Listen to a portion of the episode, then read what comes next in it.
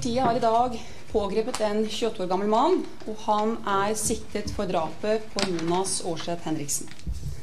Han ble pågrepet i dag eh, klokken 11.09 på Rena, hvor han er bosatt. Og han blir nå kjørt til politihuset i Drammen. Selve pågripelsen den forløp seg uten dramatikk. Siktede han er norsk statsborger. Eh, han er tidligere kjent for politiet, og han er også tidligere domfelt flere ganger. Av hensyn til etterforskningen så kan vi ikke si noe nå hvilke bevis som gjør at vi nå mistenker siktede for drapet. Det må vi komme tilbake til senere. Det jeg kan si er at det er ulike opplysninger som har fremkommet gjennom den foreløpige etterforskningen, som gjør at vi mener at siktede med skjellig grunn kan mistenkes for drap, altså at det foreligger sannsynlighetsovervekt. Sett i lys av denne pågripelsen så er det naturlig at man har mange spørsmål. Bl.a. hvilken relasjon eh, det er mellom siktede og avdøde, eh, og mulig motiv. Eh, det kan ikke vi gi noe svar på i dag. Vi mener fortsatt at det er helt nødvendig av hensyn til etterforskningen å være varsomme med å komme ut med detaljer fra etterforskningen. Det innebærer både hvilke bevis vi har, og hvilke etterforskningsskritt vi nå har gjort, og det vi planlegger å gjøre i den nærmeste framtiden. Denne pågripelsen er, slik vi ser det, et viktig steg videre i etterforskningen. Eh, og vi går nå som følge av denne pågripelsen delvis inn i en ny fase. Samtidig så er det viktig for oss å understreke at dette er en kompleks sak. Det er fremdeles en rekke spørsmål som står ubesvart. Eh, og vi mener at det fremdeles er helt nødvendig å etterforske saken bredt. Og det gjenstår mye arbeid fremover. Det som skjer nå videre, det er at vi har eh, et, en plan om å gjennomføre avhør av siktede i kveld. Eh, vi er her i dialog med hans forsvarer, advokat Thomas Ramby så vil også siktede bli fremstilt eh, i Drammen tingrett enten i morgen eller lørdag med begjæring om varetektsfengsling.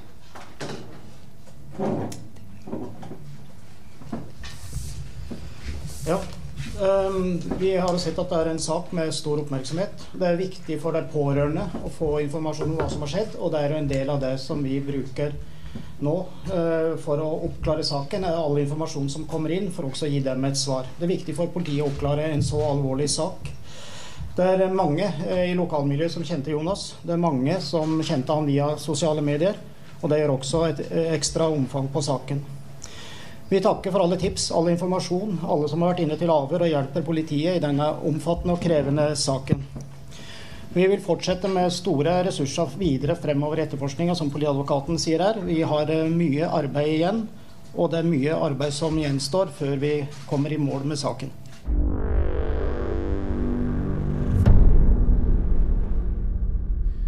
Dette var politiadvokat Tine Henriksen og politistasjonssjef Kjell Magne Tvenge fra politiet på Hønefoss etter at de torsdag formiddag pågrep og sikta en 28 år gammel mann for drapet på Jonas Aarseth Henriksen.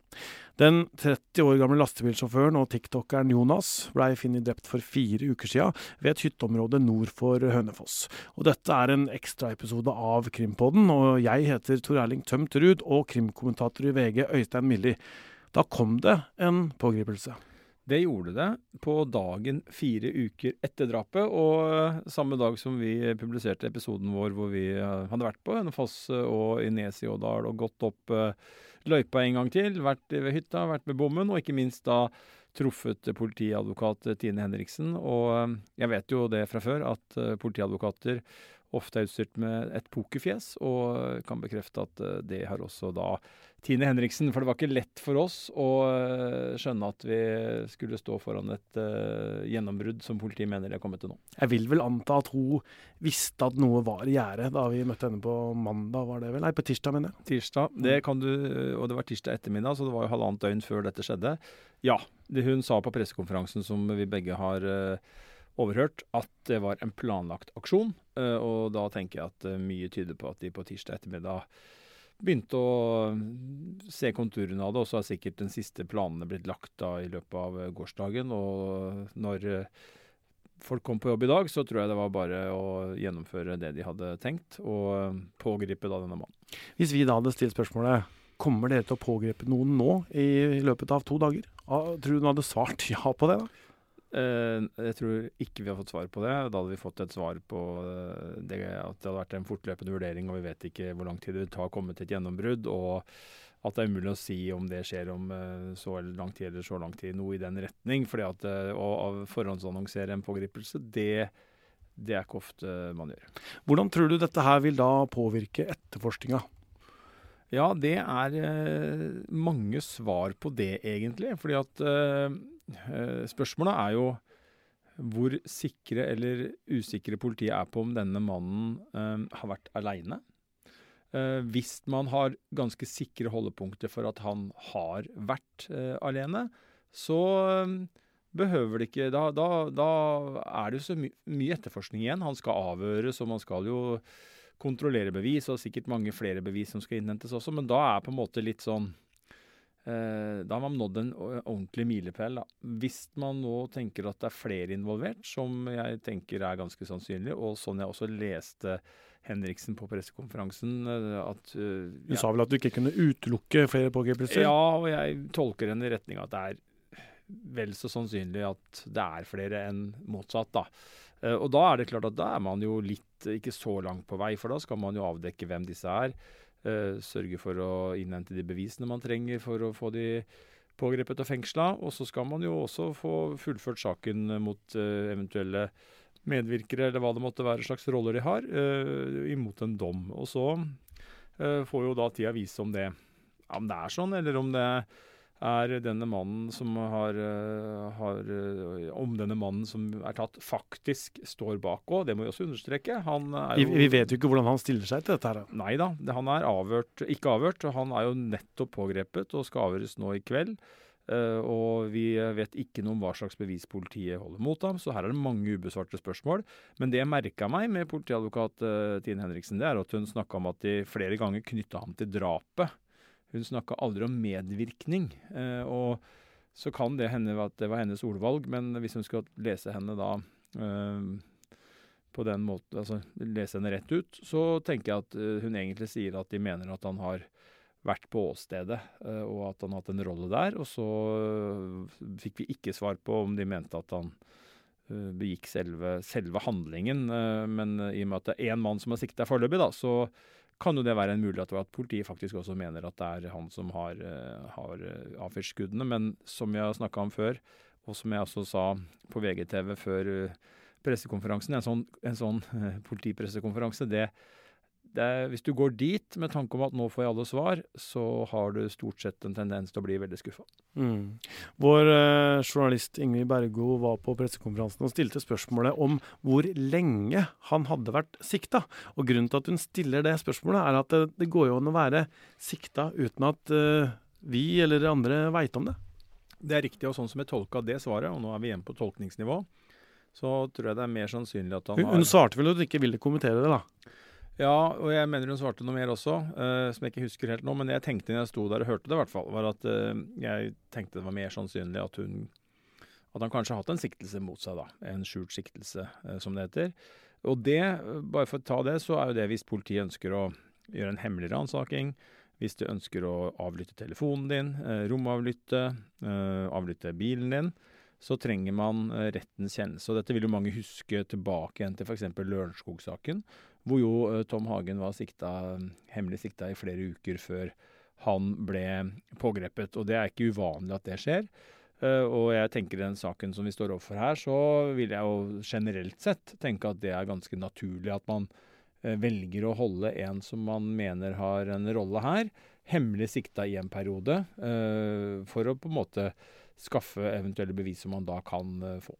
Og da må jo da uh, politiet gå til retten, uh, be om lov nærmest til å avlytte. Da, og da må man legge fram noen, noen, bevis eller hva man mener for å, skaffe seg skjellig grunn til mistanke, som det heter. En overvekstsannsynlighet for at vedkommende da er skyldig i det som politiet mener han er skyldig i, osv. Eh, da har jo de lagt fram noe for retten allerede, og nå veit vi at det blir en varetektsfengsling her på fredag eller lørdag. Mm. Eh, hvordan tror du det vil da arte seg? Altså Kravet for å få uh, bruke tvangsmidler er jo som det heter, uh, og da, det er jo da telefonavlytting osv., uh, hemmelig ransaking og, og, de tingene vi snakka om, så er det samme kravet som å få noen varetektsfengsla. Og så er det noen vilkår i tillegg for å få noen fengsla, bl.a. at det foreligger bevisforspillelsesfare, som er veldig ofte brukt i disse fasene vi er i nå. Og det tenker jeg at det vil helt sikkert bli det politiet eh, påberoper. Det var det Tine Henriksen også sa mange ganger i, i, i løpet av pressekonferansen, at det er eh, viktig å holde tilbake informasjon. Det er mange ting de ikke vil si. Og det handler om at de ikke skal spre ut til folk der ute nå. Vitner eller andre medskyldige, medsiktede som måtte dukke opp. Uh, hva som politiet sitter på, hva de har. Men uh, så sånn sett så er det ikke gitt at uh, selv om retten har kommet til at det er skjellig grunn til mistanke for å avlytte telefonen din, så er det ikke gitt at du dermed blir varetektsfengsla. For det første så skal man da også oppfylle et vilkår. Og hvis retten hadde ment at det ikke var bevisforspillelsesfare, ikke gjentakelsesfare, ikke unndragelsesfare, så kunne hende at du ikke kom til å, å bli fengsla. I tillegg så er det sånn at det er en forskjell likevel på å prøve en sak eh, skjult ofte. I hvert fall mener noen advokater har snakka om at det er en forskjell på, i praksis da, eh, på det å prøve en skjult siktelse og det å komme i et rettsmøte og, og, og skulle øh, kreve noen varetektsfengsla. Så det er, det er, mye prosess som kommer til å pågå nå. Øh, og, og det, er jo, det, er jo, en sånn Det er ikke tvil om at det er et øh, ja, vi skal kalle det en, en, milepæl eller vendepunkt eller en gjennombrudd i etterforskninga, det kan vi jo diskutere. Men at, at, dette nå, og det sa jo Henriksen også, at nå kommer det en ny fase. Det kommer en ny eh, runde nå. De har gått fra ikke ha noen eh, sikta, de har gått fra ikke ha noen eventuelt varetektsfengsla. Nå kommer de til å få det sannsynligvis, hvis det blir en fengsling. Og da er den saken inne i en helt ny fase. Henriksen sa jo også at uh, han var eh, tidligere kjent for uh, politiet, og jeg har lest en del av de uh, den eldre dommene, eller altså de tidligere dommene han har på seg. Det, det går, på, det går fra liksom, kjøring i ruspåvirka tilstand, der det har vært noen hendelser, altså kraft, kraftige, alvorlige trusler eller utsagn mot eh, politifolk. Eh, og han har også vært borti eh, dom for, for grove tyverier. Blant annet så, så, ble han dømt for å ha stjålet sammen med noen andre et våpenskap med flere våpen, og hatt ammunisjon og sånt rundt seg. Så det, det har jo et rulleblad her, da. Ja da, det er en mann som politiet Det er en kjenning av politiet som uttrykket ofte er. Uh, en, som hadde pådratt seg en del saker, og som ja, Uh, ikke har vært i nærheten av noe så alvorlig som dette, men som du sier, har vært borti en del ting. Vi har jo jobba med denne saken her også i fire uker og snakka med mange folk som kjente Jonas og ja, i, i, rundt her. Men denne mannen, uh, kjente vi han fra før? Nei, denne mannen er ny for oss, og han har heller ikke vært avhørt som vitne i saken. Ehm, så det var et, eh, det var et eh, Hva skal vi si? Et overraskende navn sånn sett. Ehm, og det er viktig å påpeke det, fordi eh, vi vet jo at det er en del i kretsen til Jonas som har følt seg mistenkeliggjort, har følt det har vært ubehagelig, det som har skjedd. og da er det veldig greit å kunne videreformidle det som ble sagt på, sagt på pressekonferansen om at vedkommende ikke har vært avhørt som vitne, for det, det har jo alle disse Eh, bekjente og eh, kontaktene som, eh, som, man har hørt om, og som har vært innom både her og der i medier osv., indirekte og direkte, de har jo blitt avhørt. Og dette er et uh, ubeskrevet blad, og han er jo heller ikke fra Hønefoss-området. Uh, pågrepet i Innlandet og holder til i den retningen, så dette er um, Pågrepet på Rena? Ja. Dette er et annet og Nå må jo politiet undersøke da selvfølgelig om det er noen relasjon mellom disse truslene og det den pågripelsen i dag, og det vet vi heller ikke. Uh, åpent, det også. Så, så, her er det ganske Akkurat den biten er uh, en litt overraskende vending, vil kanskje noen mene. Samtidig som det er nå veldig åpent hva dette handler om. Uh, og Tine Henriksen sa jo på pressekonferansen igjen i dag at politiet vet ikke hvorfor Jonas ble lokka av den hytta, eller kalt opp den hytta. Og det betyr vel at man har vel ikke funnet verken noe Messenger-melding eller noe tekstmelding eller noe som helst som, eh, som peker på, på, bakgrunnen for det. Og det er jo noe av det man må finne ut av. Det er jo hvilken relasjon det er, eventuelt, mellom han som er pågrepet og Jonas. Og øh, hvorfor de eventuelt øh, møttes der oppe. Uh, Det er jo store, store spørsmål som fortsatt står ubesvart. Hun sa at han blir kjørt nå til eh, Drammen, eh, politiet i Drammen for å bli avhørt der da i, i kveld, altså torsdag kveld. Eh, og, da, og da har du et avhør, og han kan jo velge da å ikke si noe i det avhøret. Eh, Eller så kan han eh, eh, si mye. Hva tror du kommer ut av det? Åh, det er eh, nesten som å prøve å si noe om påskeværet. Eh, det er ulikt. Noen nekter å la seg avhøre. Noen lar seg avhøre og avviser fra første stund og holder fast ved det, at ikke de har noe med drap å gjøre. Mens eh, andre eh, tilstår med en gang. eh, mens atter andre igjen kan komme til å nekte en periode og så tilstå hvis man er skyldig. Og så understreker vi at dette er generelt. Vi aner ikke hvordan denne mannen som er tatt nå, eh, ser på anklagene. Eh, men eh, du ba meg om å, å skissere opp hva som kan komme til å skje, og da blir jo det eksempler. Eh, Poenget det- er vel at det er vel ikke sånn at man løser saken med en gang man pågriper noen og avgjør dem, eller? Nei, det kan skje. Mm. Men det kan også være at man ytterste konsekvent at, har, har tatt feil man faktisk har gjort det også. Ikke sant? Det har vi også sett.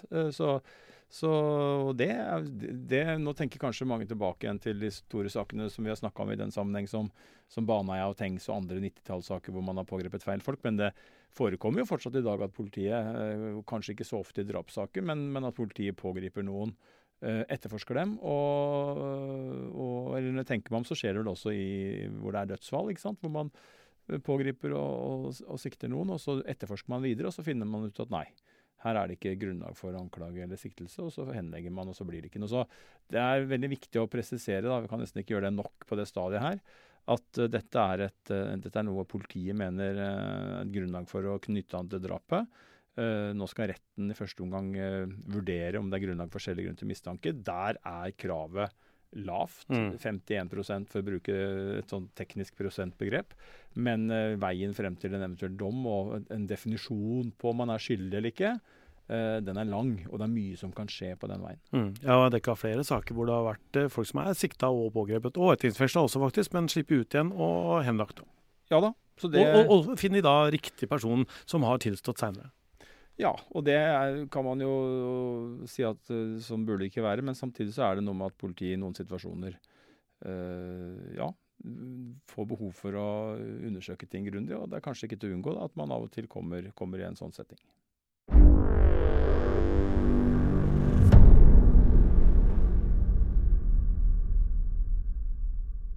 Dette er en viktig utvikling i eh, saken om drapet på Jonas Aarseth eh, Henriksen.